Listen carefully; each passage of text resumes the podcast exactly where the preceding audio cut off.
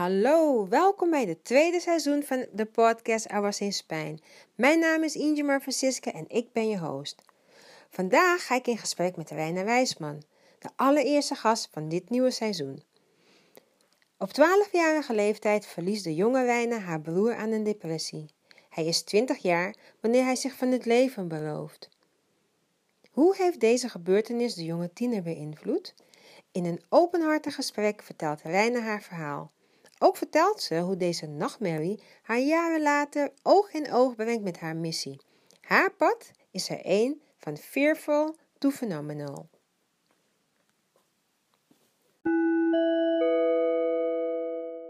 Hallo, welkom in de show, in de podcast, een nieuw seizoen van de podcast Elba's in Spijn. Een podcast waarin ik in gesprek ga met vrouwen die een moeilijke periode in hun leven hebben gekend het hebben overwonnen en daarvan een boodschap hebben gekregen en meedragen in hun en overdragen aan de wereld. Reina, welkom. Ik vind het fantastisch dat jij mijn eerste gast bent in het nieuwe seizoen. Welkom. Dankjewel, Ingemar. Het is, het is een honor en ik ben heel blij ehm, met gewoon dit, deze podcast. Echt waar. Nou, fantastisch. Ja, we gaan mooie dingen meemaken. Ik, ik voel het. Ik voel ook dat, ik ook. dat we gewoon. Kijk, we gaan nieuwe gasten krijgen, nieuwe verhalen. En verhalen, verhalen verbindt. Verhalen brengt troost. Verhalen geeft herkenning. Dus ik geloof echt dat met onze verhalen wij andere mensen kunnen inspireren. Wanneer zij denken van, oh nee, ik kan het niet of ik voel me zo alleen. Door het luisteren naar een verhaal als van jou, als van mij of alle andere gasten, zullen mensen gemotiveerd worden. Ik weet het, ik voel het en ik spreek het uit. Yes, let's do nou, this. yes, nou Reina, kan jij je, eh, voordat we in gesprek gaan over jouw verhaal, kun jij je uh, omschrijven aan de hand van drie voorwerpen? Oké, drie voorwerpen. Ik vind het echt een heel, hele mooie vraag. Ehm, ik ga starten met um, licht en energie van God. Mm een camera. Mm En een plantje. Oké, licht en energie van God, een camera en een plantje. Kan je ons iets meer vertellen waarom jij deze voorwerpen hebt gekozen en hoe het jou omschrijft? Ja, ik uh, lichte energie van God. Ik, ik ben echt uh, steeds sterker in mijn geloof aan het staan. Want ik zie gewoon echt zoveel gebeuren. Ook hoe jij en ik elkaar ontmoet hebben. Hoe deze podcast-aflevering opgenomen is. Alles valt en staat gewoon met God. En ik merk dat ik echt uh, connect met mensen om um, lichte energie te delen, zeg maar, van, van God. Soms, soms moet ik het een beetje ontvangen van anderen. En soms moet ik het geven aan anderen. En um, dat is ja, lichte energie van God. mm Mooi. En uh, de camera, I like to make memories. Je hebt ook een van mijn quotes gedeeld van, weet je, vier gewoon elke keer een stapje die je hebt genomen. Dus ik ben ook letterlijk altijd met de camera. Als het niet mijn telefoon is, is het mijn camera zelf. En dat al sinds mhm. mijn jaren. Dus weet je, momenten vastleggen en ook gewoon ervaren. Elke dag. Mm Oh, bijzonder. Um, Mooi. Ja, en het plantje.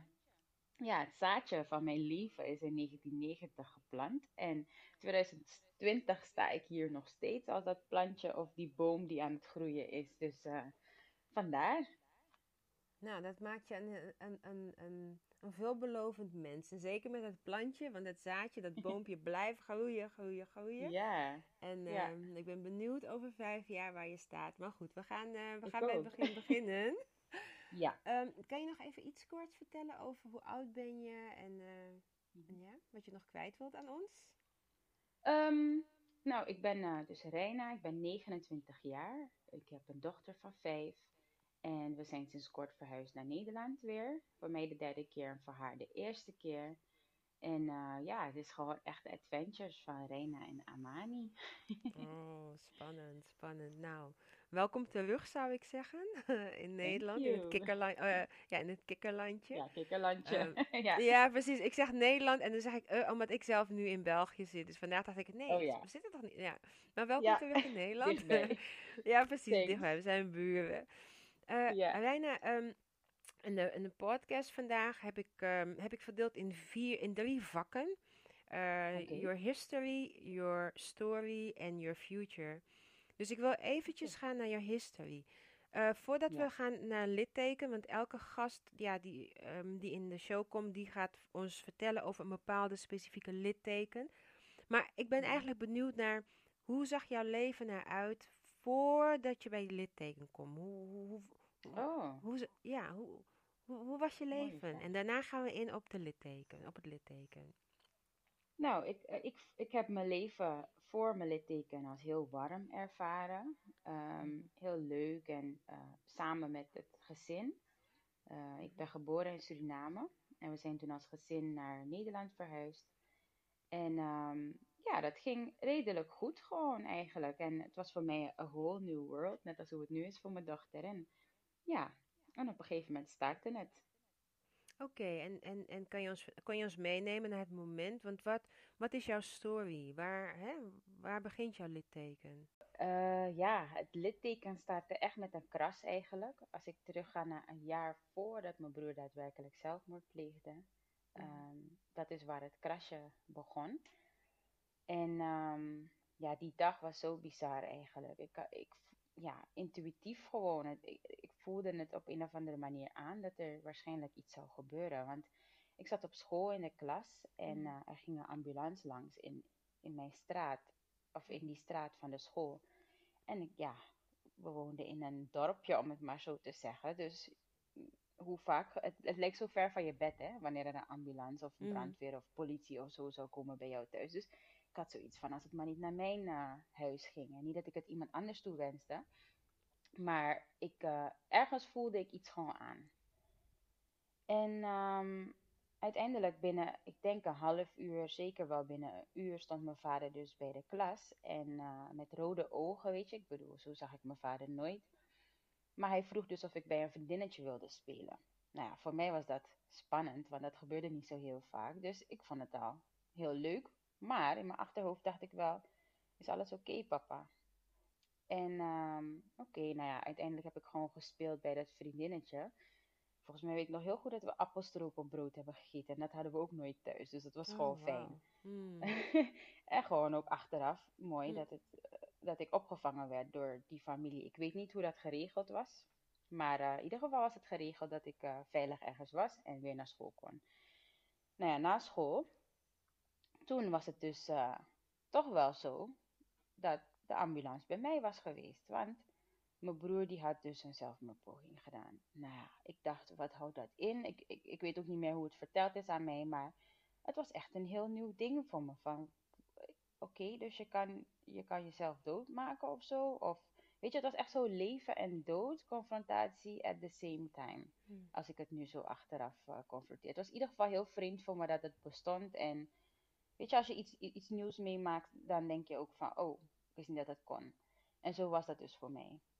En ehm, toch dacht ik wel van, weet je, hij is nu in pijn of hij is verdrietig. Ik weet niet wat er precies met hem aan de hand is, maar ik wil toch op een of andere manier bij hem zijn.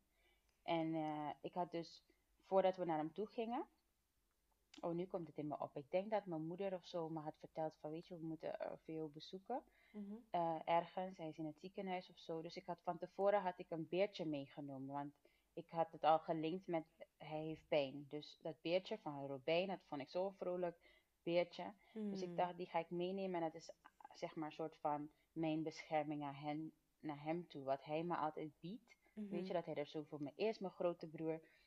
Dat eh, geef ik dan in de vorm van dat beertje. Zodat hij niet alleen is daar waar hij is. En dat hij aan me kan Hmm. denken, et cetera. Alles heb ik in dat beertje gezet, zeg maar. Ach, ja. En ehm, ja, naar mijn idee, toen hij geheeld was, tussen aanhalingstekens, ehm, want zo zag ik dat, dacht ik van oké, hij heeft gezien dat we echt om hem geven. En eh, hij, het, zal, het zal niet nog een keer in hem opkomen om zoiets te doen. Weet je, er is, er is nog zoveel te doen in deze wereld. Hij gaat ons niet verlaten. En toch, een jaar later was het zover. Na heel veel beloftes ook van zijn kant uit. Eh, weet je, die, het komt wel goed. Dat, dat Mhm. standaardzinnetje wat heel veel mensen zeggen. Mhm, Dat was mhm. ook zijn standaardzinnetje. En ehm, ik had daar geloof in. Hmm. Ik zijn vrienden, ik denk familie ook wel. Maar toch was het, uh, was het zover, 11 januari. Een uh, jaar later dus. En uh, ja, heel, heel bizar. Um, dat ik misschien op dat moment niet zoveel dacht of zo. Terwijl anderen misschien heel boos waren. Maar uh, ja, die dag zelf om ook jullie mee te nemen in die dag, naar die dag, was ook zo uitgestippeld. Ik denk dat je het heel vaak hoort wanneer mensen zelfmoord plegen, dat het gewoon echt een uitgestippeld plan is. En um, ik weet van een vriend van hem dat hij die nog echt had gegroet, echt met een knuffel en had gezegd van ja, ik hou van je. En ja, als twintigjarige jongen, om echt zo, weet je, iemand die je gewoon elke dag of vaker ziet, dat je echt gewoon zo'n stevige knuffel zegt, geeft en ik hou van je zegt. En weet je, je uit van nee, I appreciate you en zo. Dat is toch wel even bizar van oké, okay, moet dat echt? Wat, wat, wat is er aan de hand, bij wijze van spreken? Um, dat was één. En van mezelf, wat ik heb ervaren die dag, was um, dat we echt wel, ja, we hadden lekker bruine bonen gegeten. En normaal eet hij echt heel veel, at hij echt heel veel. Maar hij had niet alles opgegeten. Bijna de helft van zijn bord of zo weggegooid. En uh, dan denk je ook weer voor echt voor voorbedacht te raden. Um, Mhm. um, en voordat hij, mijn moeder en ik, die zaten dus beneden. Uh, ik tril helemaal, terwijl ik nu, ik krijg het gewoon koud. Ik snap je helemaal. Maar um, ja, even rust. ja. Ja, maar we waren dus met z'n allen thuis. Mijn vader, mijn moeder en ik en, en mijn broer. Mijn zus die, was, die woonde daar op zichzelf. En um, uh, mijn moeder en ik die zaten beneden in de woonkamer. En mijn broer die ging naar boven. Mijn vader, mijn vader sliep, want die zat meestal in de nachtdienst.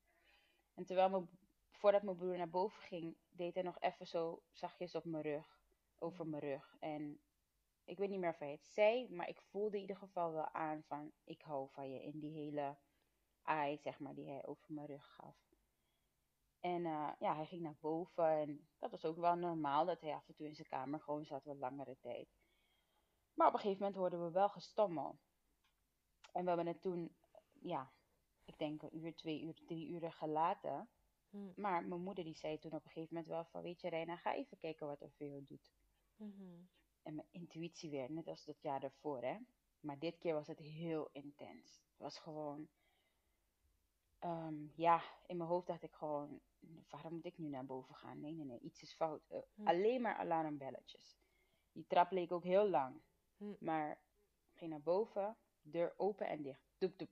Gewoon, weet je, ik, heb, ik kan me niet veel herinneren. Ik denk dat het licht aan was. Voor de rest kan ik je niet vertellen wat ik heb gezien. En ik ga naar beneden en ik zeg aan mijn moeder van, oh, zogenaamd heel luchtig, hè. Zo luchtig als ik kon. Ja. Neutraal als ik kon. Zei ik van, uh, ik denk niet dat hij thuis is. Terwijl ik echt wel wist dat hij thuis was. En ik ging ook meteen naar de keuken. En dat was echt um, om de hoek, zeg maar. Mhm. Op mijn hurken zitten. Gewoon zo ver mogelijk van de situatie. En mijn moeder die rende naar boven. Want die had zoiets van, nee, hij is wel thuis. En ook paniek, denk ik, in haar hoofd, weet je. Want die was altijd een beetje, na zijn eerste pogingen, een beetje um, op haar hoede gewoon. Mhm. Als hij een beetje down was. En ze wist ook wel dat hij down was. Dus ik in mijn hurken, op mijn hurken in de keuken. En mijn moeder rent naar boven. En ze zegt, nee, Orfeo. Ja. Um, en um, beschreef een beetje wat ze zag. Um, kleuren en ja, echt zijn tong uit zijn mond. Hij heeft zichzelf verhangen. En um, ja, het was dus werkelijk zo, mijn intuïtie. Mijn vader die werd wakker. En uh, gaf haar instructies om hem niet aan te raken en zo, geloof ik. Want uh, weet je, de politie kan dan anders denken dat, dat, dat iemand anders het gedaan heeft. Dus uh, zoiets heb ik onthouden hoor. Ik weet niet als het echt zo is. Ik zou het moeten checken met hun. Maar um, ja, en uh, toen ging alles heel snel. Rap tempo van, uh, ik weet niet wat er allemaal eigenlijk thuis dan boven nog gebeurde. Maar ik weet dat ik beneden ben gebleven. Ik weet dat heel snel mijn oom er was. En ik ook heel snel uit het huis was met hem. Um, en dat ben ik hem ook echt wel dankbaar. Of mijn ouders, hem, ik weet niet wie allemaal. Maar dat ze zo snel hebben gehandeld om dat 12-jarig meisje eruit te halen. Ja. Is denk ik wel, is, ja, is misschien the least they could have done for me. Mm. Ehm, want het zou misschien toch wel een ander effect op mij hebben gehad als ik alles heb, zou hebben gezien. Als ik, als ik mijn broer zou hebben zien hangen, als ik het lijk weg heb zou zien gaan. Ehm, weet je, en ehm, aan de ene kant voelde het wel heel raar om weg te gaan op dat moment. Want ja, weet je, je, je bent een familie. Je wilt toch Mhm. wel met je familie zijn. Ehm, maar ik kwam toevallig, of nou ja, het zal geen toeval zijn, maar ik kwam dan mijn- mijn zus en mijn tante nog tegen op de hoek. Eh, die dus naar daar reden. En toen zijn we echt even gestopt midden op de straat, twee auto's naast elkaar. En eh, even snel nog een knuffel gegeven, weet je. Want mijn zus is tien jaar ouder dan mij, dus dat is ook echt een groot, grote zus voor mij. Mhm. En eh, ja, die knuffel heeft me toch wel even goed gedaan om haar toch wel. Ik, ik, ik, ik, ik kan me nu herinneren dat ik toch wel even dacht van, oh, ik heb mijn zus nog niet eens gezien. En toen zag ik haar op de hoek. Mhm. Dat was toch wel heel mooi, dat moment dat ik dan even haar nog een knuffel kon geven. Voordat zij ook naar de situatie ging, want je moet nagaan dat zij niet daar was. En dat ze dan ook zo naar de, naar de ouders moet gaan en, en de broer. En weet je, heel raar. Dus ehm Wauw, Ja. dat is, eh, poeh, ik, eh, heftig. het is een hele heftige situatie. En eh, ik, ik, ik, heb echt mijn adem ingehouden terwijl ik naar je luisterde. Want hè, voor een, het, het leek wel of het jonge meisje het weer beschreef. Weet je, Ja, van ehm, Klopt. hè, zo, zo. trillen en even tranen hier zo. Mm, Maar, Ja, ik heb ik ook het nog helemaal nooit zo in details, denk ik. eh, wel, ja, wel in details, maar dat je echt gewoon zegt van, weet je, neem het terug. Dan Mhm. probeer ik jullie echt mee te nemen. En ja, dan, eh, dan rolt er wel even een, traantje over me, Ja, natuurlijk. Hè. Ik, ik, ik begrijp het helemaal. Ik zit hier en ik luister met kippenvel naar jou. En mm, wat ik het mooiste vind van dit verhaal, wat jij al aangeeft, is hoe jij toch behoed bent, hè? Hoe jij Ja, bent eigenlijk. Want, hè, want als jij misschien die hele scene had gezien, dan had het een hele andere invloed op jou Ja, gehad.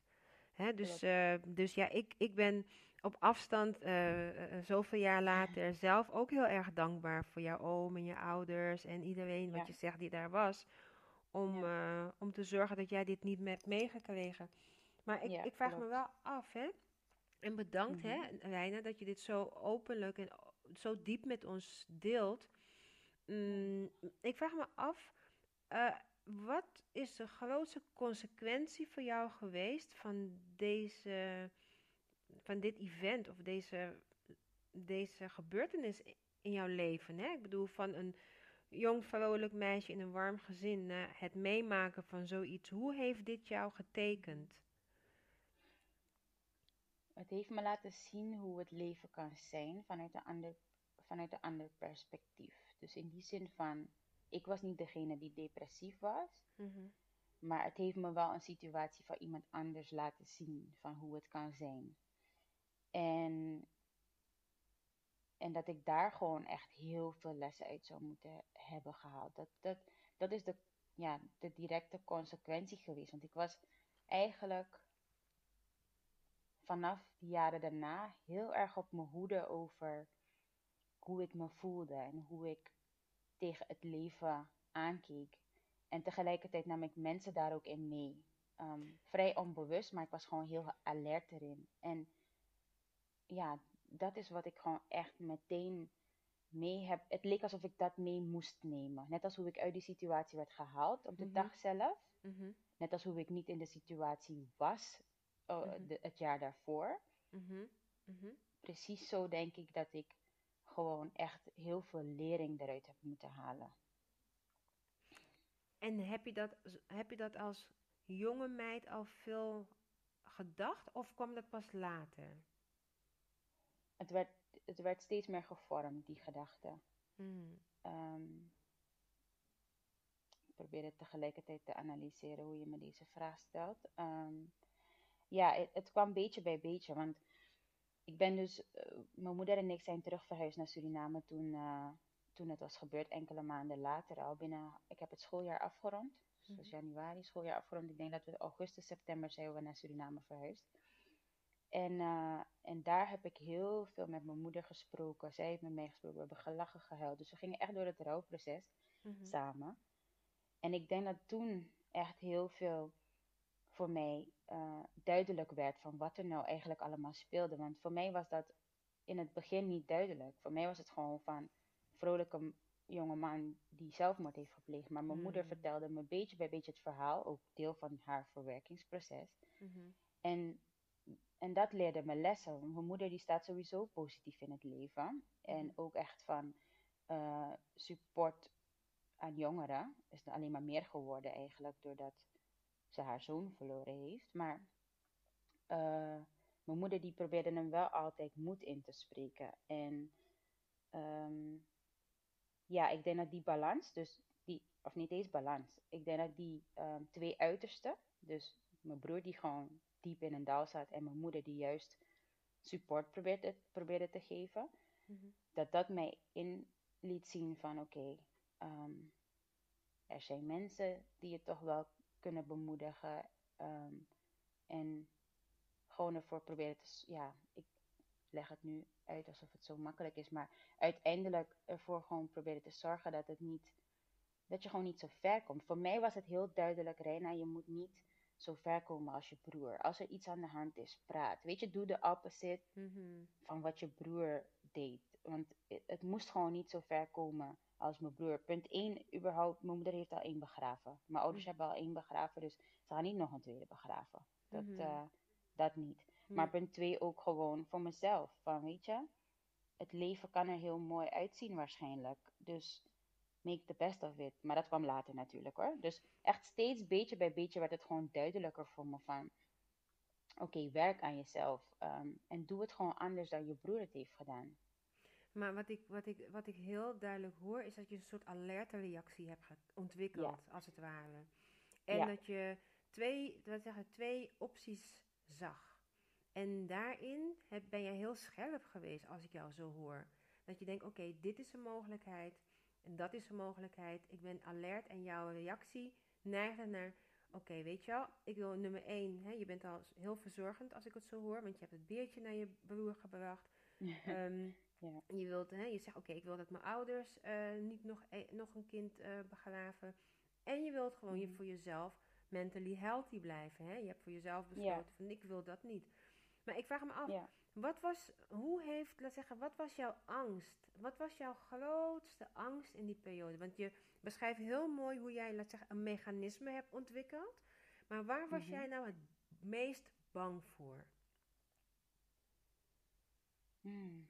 Ja, dat, ik denk gewoon echt dat, dat ik mijn ouders weer door zo'n traject heen zou eh, brengen of zo. Weet je, wat als ik ook zo depressief word of in zo'n dal kom, dat ze weer door zo'n traject moeten gaan van oké, dit kind moeten we ook eh, bij wijze van spreken ondersteuning aanbieden. En ehm, dat het uiteindelijk gewoon niet gelukt was weer of zo om, hun, om, om die ondersteuning te geven, bij wijze van spreken. Hm. Oké. Ehm, ja, je- gewoon echt weer het verlies. Dat, dat, ja, Ja, ga maar verder, ga maar verder. denk ik hoor. Ehm, en en ja, gewoon echt, wat ik net zei eigenlijk. Weet Ja. je, dat ik gewoon niet zo ver wilde komen. Ik wilde gewoon wel eh, kunnen genieten van het leven. Mhm. En op het twintigste had je een aha-moment, had je, heb je aangegeven. Op je twintigste is er iets, iets, eh, iets belangrijks gebeurd. Kan je dat vertellen? Ik denk, ja, ik, ik, ik werd twintig en ik dacht toen van, hé, hey, wacht even. Dat is de leeftijd die mijn broer had. Want in mijn hoofd, weet je, dat klein meisje die keek naar die grote, lange broer die al werkte en die dit deed en dat deed, was voor mij ver. En nu was ik zelf twintig en ik keek echt, na, ik, keek echt naar mezelf van, oké, wat, wat ben jij allemaal aan het doen? En ik dacht ook echt gewoon, ik kon me helemaal niet in de schoenen plaatsen van mijn broer. Ik snapte niet dat ehm, hij zich niet net zo gelukkig voelde als dat ik me voelde Mhm. op mijn twintigste. Dat was, zijn leven was zoveel, vele malen anders dan, dan de mijne. Mhm. En dat was niet onbegrip naar hem toe, maar ik dacht gewoon echt van wauw, dat ja, is gewoon heel anders voor jou geweest dan waarschijnlijk. Mhm. Of niet waarschijnlijk, want voor mij lag de wereld gewoon nog echt aan mijn voeten. Ik was weer terug verhuisd naar Nederland verder studeer, om verder te studeren. En uh, ik had toen inmiddels ook alweer twee andere landen gezien, waar ik ook eventjes had gewoond tijdens mijn studie. En ik dacht, there's so much more in this world than, than depression en feeling down. En weet je, er zijn Mhm. opties. Er zijn opties, dat is wat ik dacht. Mhm. Mhm. Oké, we komen Ja, zo direct terug op die opties, want je bent wat gaan doen met die, met die opties. Eh, ja. ja, daar, daar gaan we zo, eh, zo over praten. Want ik wil nog weten, hè, eh, wanneer kwam jij erachter? Mhm. En misschien is dat wel op je twintigste, maar dat, dat, op welk moment kwam je erachter dat jij machtiger bent, groter bent dan jouw pijn of datgene wat je mee hebt gemaakt? Ik vind het heel moeilijk om een exact moment aan te geven, omdat dat zaadje echt geplant was de dag nadat mijn broer was overleden. Weet je, ik, ik merkte dat ik toen al gewoon steeds bewuster en bewuster werd, maar ehm, ja, het werd echt gewoon gevormd door de jaren heen. En ik denk dat ik tussen mijn twintigste en mijn, tussen mijn 21ste en mijn 23ste wel echt dacht van, Reina, als je terugkijkt naar je tienerjaren, heb je eigenlijk die mindset ontwikkeld. Je hebt anderen erin meegenomen. Het is tijd om er nu bewuster mee om te gaan en daadwerkelijk gewoon een platform te creëren, zeg maar, voor anderen. En niet alleen wanneer je, zeg maar, letterlijk fysiek om die mensen heen bent. Mhm. Dus ik, ehm, ja, tussen mijn 21ste en 23ste is dat gebeurd. Oké, en, dat, en dat, daar heb je. En eh, wat heb je gedaan? Wat doe je? Wat, wat, waar zitten jouw heb superkrachten? Ja, ik heb toen, eh, eh, ik heb toen Equals Positivity opgezet. Dat was een online platform, echt voor jongeren, om, om ze steeds het licht te laten zien. Ik durfde niet te zeggen dat ik echt depression of zo tegen probeerde te gaan. Ik denk ook niet dat ik me toen heel erg verdiepte in depressie en burn-outs en zo. Maar ehm, waarom ik dat niet durfde trouwens, even tussendoor, was omdat mijn broer altijd zoiets had van ja, ik ga niet naar de psycholoog, want de psycholoog dat is voor mensen die gek zijn. En wat moet ik die persoon vertellen dan? Hij kent mij helemaal niet. Dus hij wilde niet naar echt een professionele hulp, ehm, hulpverlener. Eh, omdat dat gewoon, ja, was een beetje te ver van zijn bed, zeg maar. En het, het was anders voor hem geprofileerd. En ik denk dat velen dat nog steeds hebben. Dus het is goed dat we hierover in gesprek Ja, gaan. ja, zeker. Maar dus ik wilde die gap, wilde ik, ik wilde dat verkleinen. Ik dacht, ik ga het gewoon vanuit een hele andere kant benaderen. Dat als ze in een dip zitten en ze komen zo'n website tegen, dat ze dan wat licht zien en, en een beetje kunnen ervaren van oké, die persoon voelt zich ook, voelde zich ook rot, maar heeft één klein ding veranderd en had toch hoop of heeft iets veranderd in zijn leven, waardoor hij, toch, hij of zij toch heeft kunnen doen wat hij graag wilde. Dus het waren echt verhalen, niet eens zo diep als wat, wat wij hier allemaal delen, maar gewoon dingen als bijvoorbeeld een piloot die um, niet aan de bak kon in Nederland, maar uiteindelijk gewoon overal in de wereld is gaan zoeken om, om, om gaan solliciteren. Weet je, die durf die hij heeft gehad om buiten zijn comfortzone te gaan, om buiten zijn eigen land te gaan, dat vond ik al een goede stap. In Mhm. die zin van, je creëert opties voor jezelf. En dat is wat ik wilde delen. Dat je Mhm. altijd een keuze hebt en dat je altijd dus uit die, uit die uh, situatie waarin je bent kunt stappen. Dus dat, dat begon ik toen te doen en ook dan uh, met, dat was met uh, blogs die ik schreef. Dus ik interviewde die jongeren en ik, ik zette het dan online. Mhm. Daarnaast deelde ik ook mijn eigen um, avonturen eigenlijk, van welke stappen ik ondernam. Ondanks ik misschien niet altijd in een negatieve situatie was, maar gewoon om aan te geven van kijk, zoek de opportunities op en, en meerdere dingen kunnen uh, dan op je pad komen als je zelf uh, ernaar op zoek gaat. En dan deed ik ook offline eigenlijk van die motivational sessies en Mhm. trainingen, uh, workshops, voor alles en nog wat. Ik, ik was ook veel bezig met um, eindejaarsstudenten van de middelbare school. Gewoon zodat ze doelgericht door het leven konden gaan en zich konden focussen op hun doelen. Dus het is Mhm. allemaal een beetje in lijn met um, trying to do the opposite dan wat mijn broer deed. Ja, want er zijn En daar, Oh, sorry, sorry, sorry. Ga verder. en daar is zeg maar de basis begonnen van wat ik nu ook doe. Want dat is dan ongeveer zes, zes jaren doorgegaan, zes, zeven jaren toen ik moeder werd. Toen dacht ik, oh jee, ik ben weer in een andere fase van mijn leven. En voelde het aan alsof ik niet anderen op dat moment zou kunnen motiveren, inspireren. Dus toen was ik een beetje on the low mee, bezig ermee. Mhm. En nu, vorig jaar dacht ik echt, 2019, dacht ik, Reina, je, je doet dit al, elke dag, altijd. Of je nou down bent of niet. Je hebt dingen mee kunnen nemen en dit is what you need to do. Dit is Mhm. gewoon wie je bent. Dat, Mhm. je commerciële achtergrond, dat is, maakt deel uit van je karakter. Maar mensen helpen, mensen doelgericht op weg, eh, mensen op weg helpen om hun doelen te behalen. Maar dan wel eh, zo gezond mogelijk, mentaal en fysiek. Mhm. Dat is wat, wat jij moet doen in dit leven. En zodra ik ook daarmee bezig ben, moet ik heel eerlijk zeggen, ik krijg er zoveel energie van. En los van, ik, ik voel gewoon dat God me begeleidt. Ik voel dat mijn broer me begeleidt. Weet je, Mm. het, het, het, alles unfolds gewoon. Dus dan, ja, dat is wat ik nu gewoon moet doen. en aan het doen ben. Ja, mooi. Want, want hoe, ziet, hoe zou de wereld er voor jou uitzien, laat zeggen, met jouw inzet en jouw input en van een heleboel anderen, maar eventjes, hoe, hoe ziet de wereld er dan uit voor jou? Hoe ziet de wereld er dan uit voor jou? Ehm, Met hetgeen wat jij nu te bieden hebt. Hè? Wat zou je mhm. willen veranderen? Of hoe ziet het er dan uit? Ik zou heel graag op het juiste moment in mensen hun leven willen komen, alvorens zij in een depressie of in een burn-out of Mm. any kind of trauma, trauma zouden krijgen. Voor die tijd wil ik in hun leven komen, Mm. zodat ze niet daar terechtkomen. Weet je, zodat ze net op dat moment, weet je, wanneer je gewoon even vervelend voelt, maar nog niet in die hele, echt op at the bottom bent van die put, Ja. Zodat je, zodat je direct weer eruit kunt klimmen. Weet je, dat je Oh, alles mooi. goed kan analyseren, die Ja. tools mee kan nemen.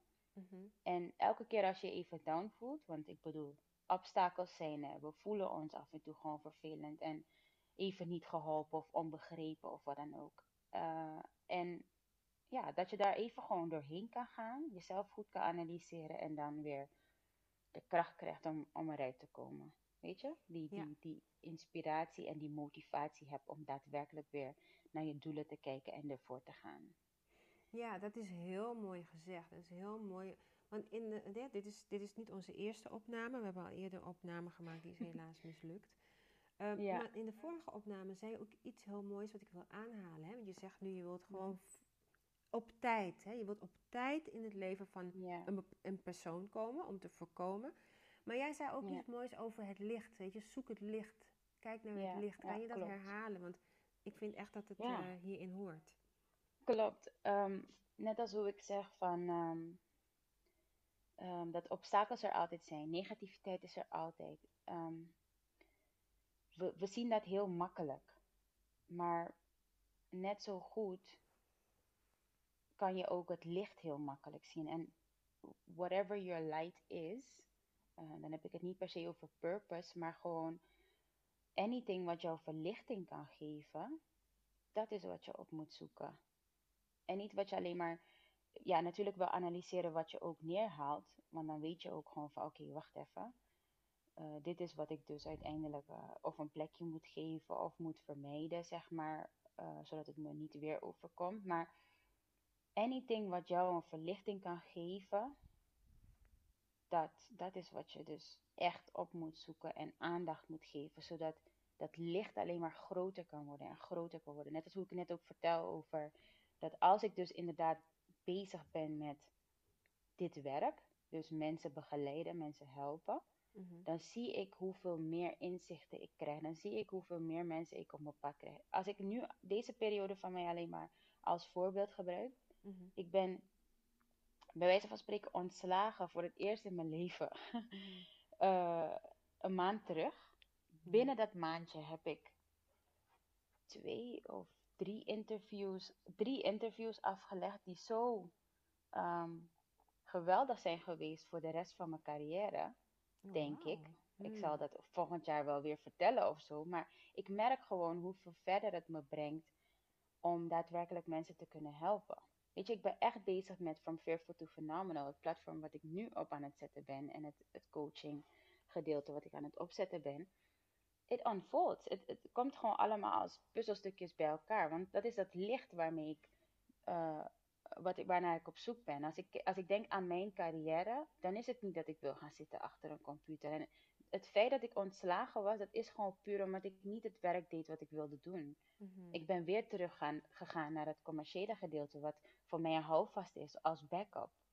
En omdat ik de rekeningen moet betalen. Maar uiteindelijk, als ik bezig ben met, met mensen helpen om hun doelen te behalen in een zo gezond mogelijke toestand, mentaal en fysiek, Mhm.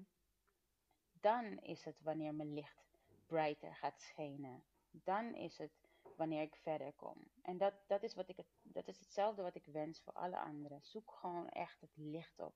En het begint met hele kleine dingen. Het begint met misschien een wandelingetje buiten. Mhm. Het begint met, ik zag heel mooi deze herfst van die, die bomen. Die zijn zo sterk en zo mooi.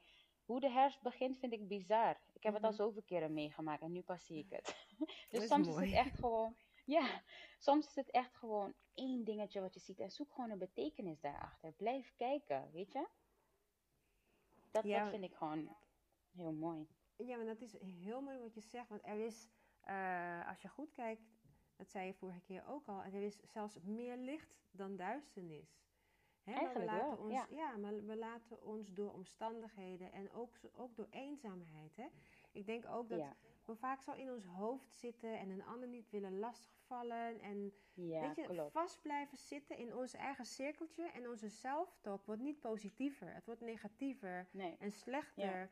En we praten ons naar beneden. Maar als wij gewoon beseffen dat we het niet alleen hoeven te doen. Een familielid.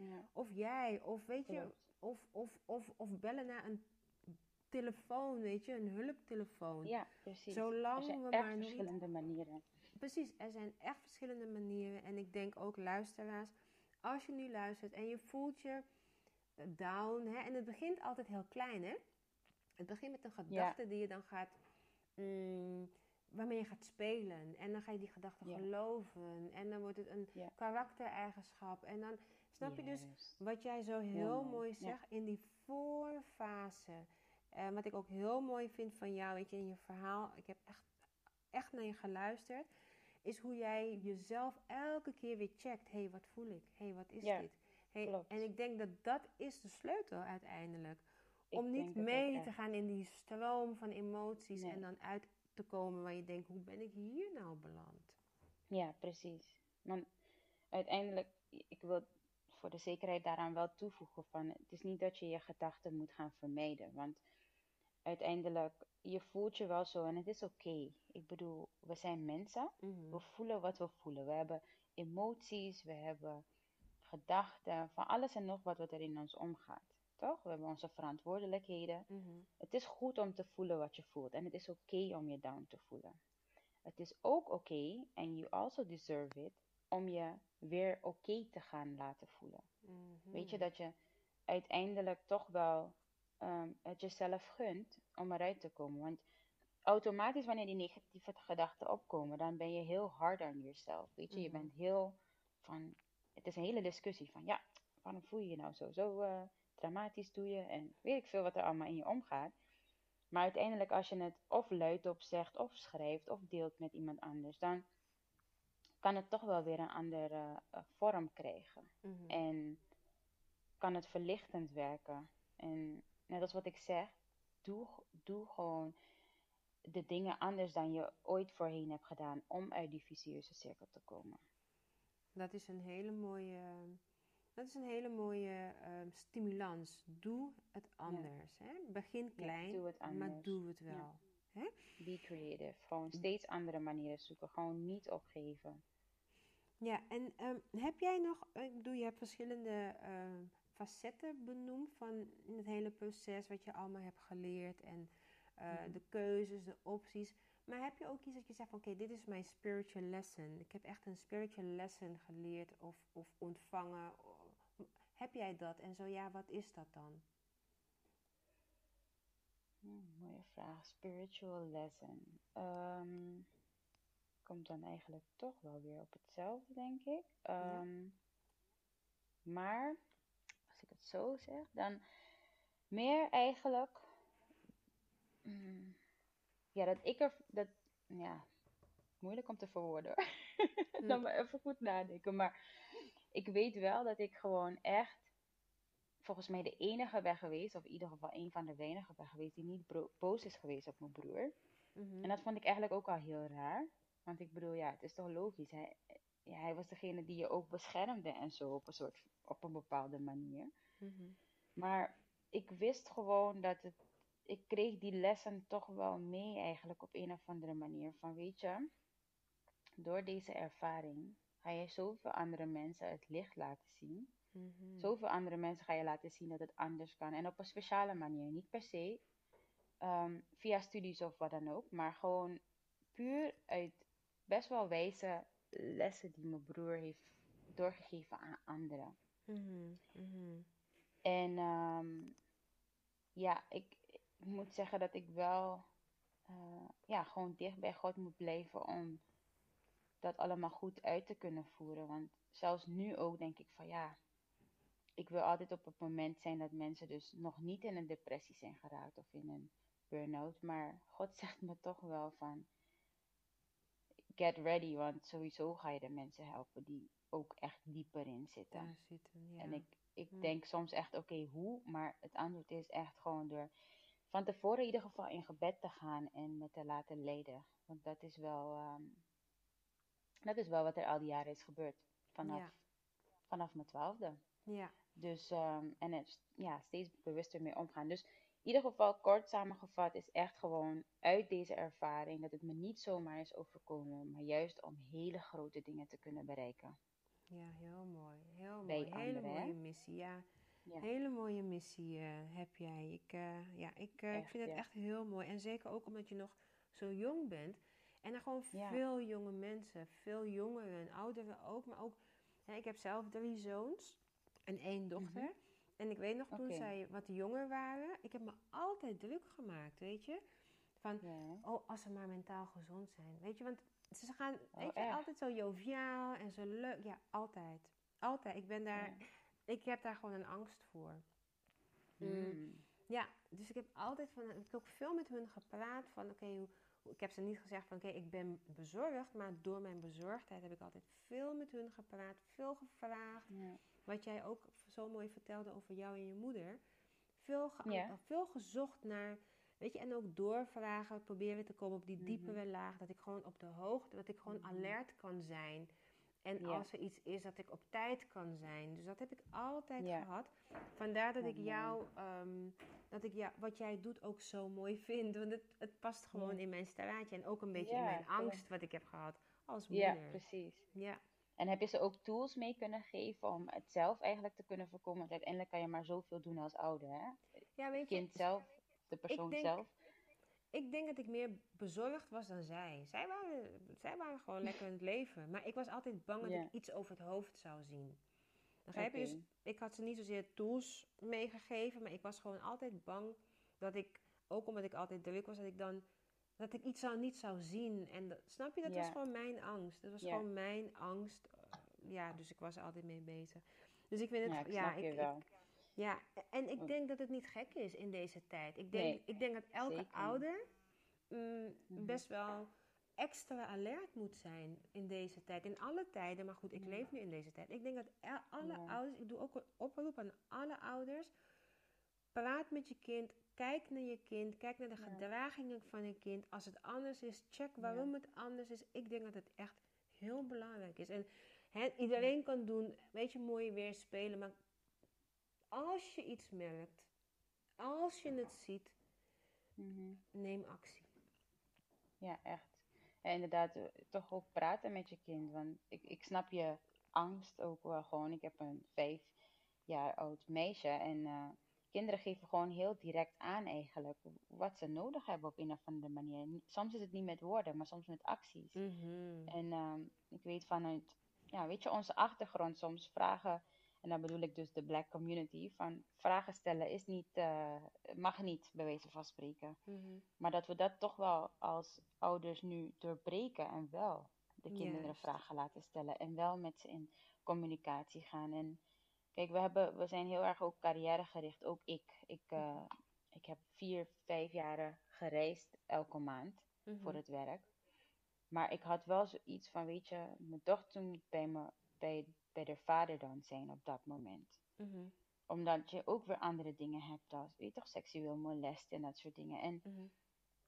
dat was dan weer mijn angst, weet je. Dat ik dan denk van, nou, ik, wil er niet, ik wil er altijd voor mijn dochter kunnen zijn, voor mijn kinderen, toekomstige kinderen. Weet je, dat ik eh, niet, niets uit het oog verlies. En je kan, net als wat ik net zei, je kan maar net zoveel doen. Je kan, je kan niet alles doen. Nee, Maar klopt. tenminste, keep an eye on your children. Gewoon praat met ze. Zorg ervoor dat ze open kunnen zijn naar je toe. Ik, ik ben er echt ook mee bezig bij mijn dochter, want ze communiceert ook niet altijd. Maar ik herken bepaalde dingetjes. En soms is het een spiegel. Het is vervelend soms, die confrontatie. Want dan denk je, oh, dat ben ik zelf. Ja. Weet je? Klopt. Maar ja, slikken. Je moet Ja. het doorzetten. Je moet het gaan veranderen. Want Mhm. voor jou is het anders geweest. En jij kan weer een verandering brengen in dat kindsleven. Precies. Ja. Dus, eh, Hey Lijnen, we gaan zo langzaam eh, richting het einde. Ik, eh, ik heb nog... Nee. Ja, ja, we kunnen nog lang... Maar het is ook een bijzonder, bijzonder mooi gesprek. Echt waar. Ik, ehm, ik ben echt eh, geïnspireerd. Al mijn gesprekken ins- inspireren me op hun eigen manier. Dus ehm, eh, ik heb nog drie vragen aan jou. Yes. Ehm, ja. Wat zou jij nu mm, aan jouw twaalfjarige meisje willen zeggen? Mm. Heel mooi. Ik nam even een slokje water, sorry. 12 jaar jarig meisje. Ik zou haar echt willen zeggen van weet je, het lijkt soms misschien nu een beetje bizar wat er allemaal gebeurt en je voelt je misschien op een bepaalde manier toch wel verlaten door alle dingen die er gebeuren in je leven. Maar je broer begeleidt je, dat voel je aan en dat klopt, dat klopt als een bus. De Vader, God, begeleidt je. Je hebt gewoon je supportsystem van je ouders en je zus en andere familieleden, vrienden, wie dan ook. Uh, blijf gewoon praten en communiceren, want hier ga je heel veel uithalen en je gaat heel veel in deze wereld kunnen doen. Op jouw manier, met God aan je zij, met je broer aan je zij als engel. Um, want je gaat echt gewoon een verschil maken in mensen hun leven. En dat gaat je heel veel energie geven. En, uh, en dit is ook gewoon wat, waarvoor je hier op deze aarde bent. Dus alles wat je ook nog in de toekomst tegen gaat komen als tegenslag, of het gaat lijken als tegenslag, maak je niet druk. Je komt daar ook weer doorheen, want jij bent nodig. Oh, wauw. Dat. Wauw, powerful. Ik krijg kippenvel. Ja. Mooi. Dankjewel ja. dat je dit zo met ons deelt. Waar ben jij dankbaar voor, Leina? Ik ben, uh, ik ben echt dankbaar voor God. Ik uh, moet heel eerlijk zeggen dat ik niet altijd zo sterk in mijn geloof stond. -huh. Ik ken ook echt de Bijbel helemaal niet zo goed nog, maar ik word echt begeleid. Ondanks ik, weet je, ik heb ook gewoon en zal ook nog waarschijnlijk wel zondigen. Ik heb gezondigd, ik heb fouten gemaakt. Ik heb niet altijd geluisterd naar God. Um, desondanks heeft hij me echt niet in de steek gelaten. Hij heeft me altijd bij mijn hand vastgepakt. Hij heeft me altijd uit situaties gehaald.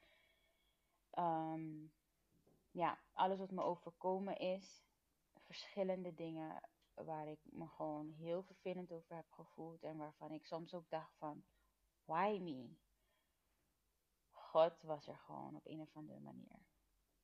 En hij begeleidt me ook echt naar de juiste mensen. Dus ja, God echt. En voor de mensen die hij op mijn pad heeft gezet, nog steeds brengt en nog zal brengen. God, ik heb geen andere, geen andere dingen, want alles valt en staat uiteindelijk, merk ik gewoon met hem. Dat heb ik echt geleerd. Ik kan het niet meer vermijden. Helemaal niet. Ja, bijzonder. Fijn dat, uh, dat je, ja, fijn dat je die wetenschap hebt. Dat geeft ook heel veel rust en vertrouwen. Ja. Um, en, en waar ben jij trots op? Ik ben trots op. Uh,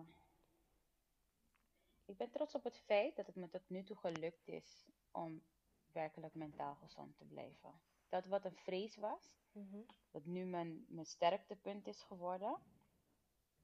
Dat, ja, ik ben daar toch wel trots op. Mooi. Ja, mooi. Ik ben ook trots op jou, Elena. Ik ben ook echt trots op jou. Als ik je verhaal zie. We kennen elkaar maar heel kort. Ik ben ook echt ja. trots op jou. Ja. Dank je wel. Mm, Elena, wat wil je nog? Ja, graag gedaan. Ehm, voordat ik je iets ga aanbieden, wil ik je nog vragen eh, of jij nog iets aan de luisteraars wil meegeven. En dan eh, gaan we afronden. Mm, ik wil toch nog even de nadruk leggen op zoek het licht. Weet je, dat wat je litteken is, kan gewoon echt een beautymark worden. Mhm. Ik vind het echt een goede waarop ik laatst ben gekomen toen we de vorige keer de podcast opnamen. Mhm, Hele goede. Weet je. Je bent gewoon niet, niet, niet ik alleen ben nodig in deze wereld. Ik zeg het wel zo mooi dat ik dat aan mijn 12-jarig meisje zeg, maar ehm, eh, kind zeg. Maar jij bent ook nodig. Dat, daar waar je doorheen gaat, het is niet zomaar. Ik bedoel, iedereen maakt dingen mee. En probeer gewoon echt een les eruit te halen. En zorg ervoor dat je naar het licht gaat. Zoek het licht, zoek het licht. Eh, Zoek echt gewoon naar het licht. Whatever ook je licht is. Als het even een wandelingetje is. Als het even ehm, uit je huis zijn is. Of maakt niet uit. Be creative. En eh, zorg er gewoon voor dat je jezelf kan trainen. En die reminder kan geven om naar oplossingen te zoeken. Oplossingen die je op lange termijn gaan helpen. En jezelf even uitdagen van oké, ik moet even doorzetten. Ik moet even, eh, ik moet even een routine gaan creëren om dus daadwerkelijk steeds het licht toe te passen in mijn leven. Ik probeer dat ook door te geven. Je kan het volgen elke vrijdag op, eh, op mijn Instagram van Fearful to Phenomenal. Waarbij ik deel met anderen waarvoor we dankbaar zijn geweest deze week. Dat is een deel van, is een manier om het licht op te zoeken. Want als je je dankbaarheid kan tonen, dan zie je dus ook de positieve dingen in het leven. En je zoekt het op, want als je het elke week met me moet gaan delen, dus een soort van misschien huiswerk geweest, maar het is dan ook een opluchting van hé, hey, daarvoor ben ik wel dankbaar. Dat is iets wat me warm heeft laten voelen van binnen, wat me kriebels heeft gegeven. Ga dat voeden.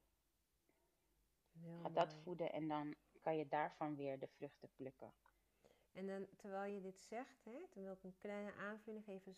Zit jij in een situatie waarvan je denkt, eh, ik schaam me, of ik durf het niet te vertellen, of ik durf geen hulp te zoeken. Ga alsjeblieft hulp zoeken. Het is geen makkelijke tijd. Het is een mentaal, Nee. eh, ook een, een, een, uitdagend jaar op het gebied van mentale gezondheid. Maar stap uit, zoek hulp. Hulp zoeken is ook naar het licht lopen. Ja, klopt. Ja. Klopt. Echt verschillende manieren. En er zijn Ja. ook gewoon groepen die, die, waarbij mensen dingen delen die ook nog niet uit die situatie zijn, maar het helpt ze al een beetje om te delen. En dan merk je ook van, oh ja, ik ben niet de enige die dit ervaart. Ha, weet je, een beetje begrip eh, wat je krijgt, dat, dat helpt ook al. Ja. En dan kan je samen weer verder gaan denken aan, eh, aan het eruit komen. Ja. Nou, Reine, ik ga je hartstikke bedanken voor dit mooie gesprek. Openhartig. Je hebt je heel kwetsbaar opgesteld. En jij hebt een hele mooie quote, hè? Jouw innerlijke kracht is jouw kwetsbaarheid. Of jouw kwetsbaarheid is je innerlijke kracht. Is je innerlijke kracht. Ja, Ja. klopt. En Want vandaag heb je uiteraard het delen, open boek zijn. Ja, Ja, en vandaag heb jij je, je eigen quote geleefd. En dat is wel heel mooi, Ja. hè? Je, you preach what you, zeg je? Je staat achter je woorden. En Wijne, ik ga Yes. jou een, kleine, ehm, een kleinigheidje toesturen. Ik ga je twee verzoenstenen toesturen. Dat is een project wat ik jaar, een aantal jaar geleden heb eh, bedacht. Jij krijgt twee st- Ja. stenen. Het is, steen staat voor symbool voor vrede, verzoening, goed maken, loslaten. Dus één steen. Stel je voor je wilt met iemand in gesprek gaan. eh, of je wilt die persoon bedanken. Of je wilt op een vredevolle manier afscheid nemen van de persoon. Kan die steen als symbool gebruikt worden. Je geeft die persoon een Oh, steen en je zegt: mooi. hey, als jij dit ook met mij wilt, stuur die steen terug. En eigenlijk post je die steen. Eigenlijk moet je het opsturen naar die persoon. En zeg: als je Oh, het oké. wil, stuur die, stuur die steen terug. Dus wanneer die steen terugkomt, weet je, het is gewoon licht. Je kan in gesprek, eh, hè, als het een zwaar gesprek is. De steen kan je ook Ja. voor jezelf gebruiken. Als je een moeilijke periode hebt van niet kunnen verzoenen met jezelf, kan je ook die steen gebruiken om een Mm. soort ritueel Mhm. uit te voeren voor jezelf. Om Juist. jezelf te vergeven en tot er in het reinen met jezelf te komen en te verzoenen op bepaalde plekken waar je moeite met jezelf hebt. En die tweede Ja. steen geef je weg met diezelfde opdracht. Want kijk, op Mhm. deze manier, verzoening en vergeving is een heel belangrijk onderdeel van alles wat ik doe. Of ik nou kindercoach, podcast maak, wat dan ook. Verzoening en Ja. vergeving is een belangrijk onderdeel. En op deze manier kan ik toch nog invloed hebben. Weet je? Kan ik Ja, toch nog zorgen dat het een beetje wordt doorgegeven en het wordt gedaan. Ja. Want die steen gaat op plekken komen wat ik niet kan zien. En dat is wat ik wil. Ja, precies. Echt heel mooi. Ik vind het heel mooi dat je dat doet en eh, zo he- hebt verwoord, zeg maar. Het is echt een, inderdaad een idee en ik denk dat heel veel mensen dat kunnen gebruiken. Dus ik zou het zeker, ik zou het zeker gebruiken. Ik vind het ook mooi dat je zegt trouwens, verzoening met jezelf. Want inderdaad moeten we onszelf ook vaak vergeven voor dingen, hè? Ja. Om verder te kunnen. ja. Heel mooi, dankjewel. Ja. I appreciate it. Nou, Thanks. graag gedaan. Reina, bedankt. Nou, wij houden zeker contact. En ehm, tot de volgende keer. Yes, blijf doen wat je doet. Shine your light. Dankjewel. I will do so. Dankjewel. Thank you. Doei. Doei. Mijn naam is Ingemar Francisca en je hebt geluisterd naar een aflevering van de podcast Er was eens pijn. Herken jij je in het verhaal van Reina? Stuur dan een mail naar info apenstaartje isvv.nl. Weet dat je het niet alleen hoeft te doen. Ga op zoek naar de lichtpuntjes. En volg ons ook via Spotify en Anchor FM. Wil jij na het beluisteren van deze podcast een reactie achterlaten op de website? Dat vind ik fantastisch. Hartstikke bedankt voor het luisteren en tot volgende week.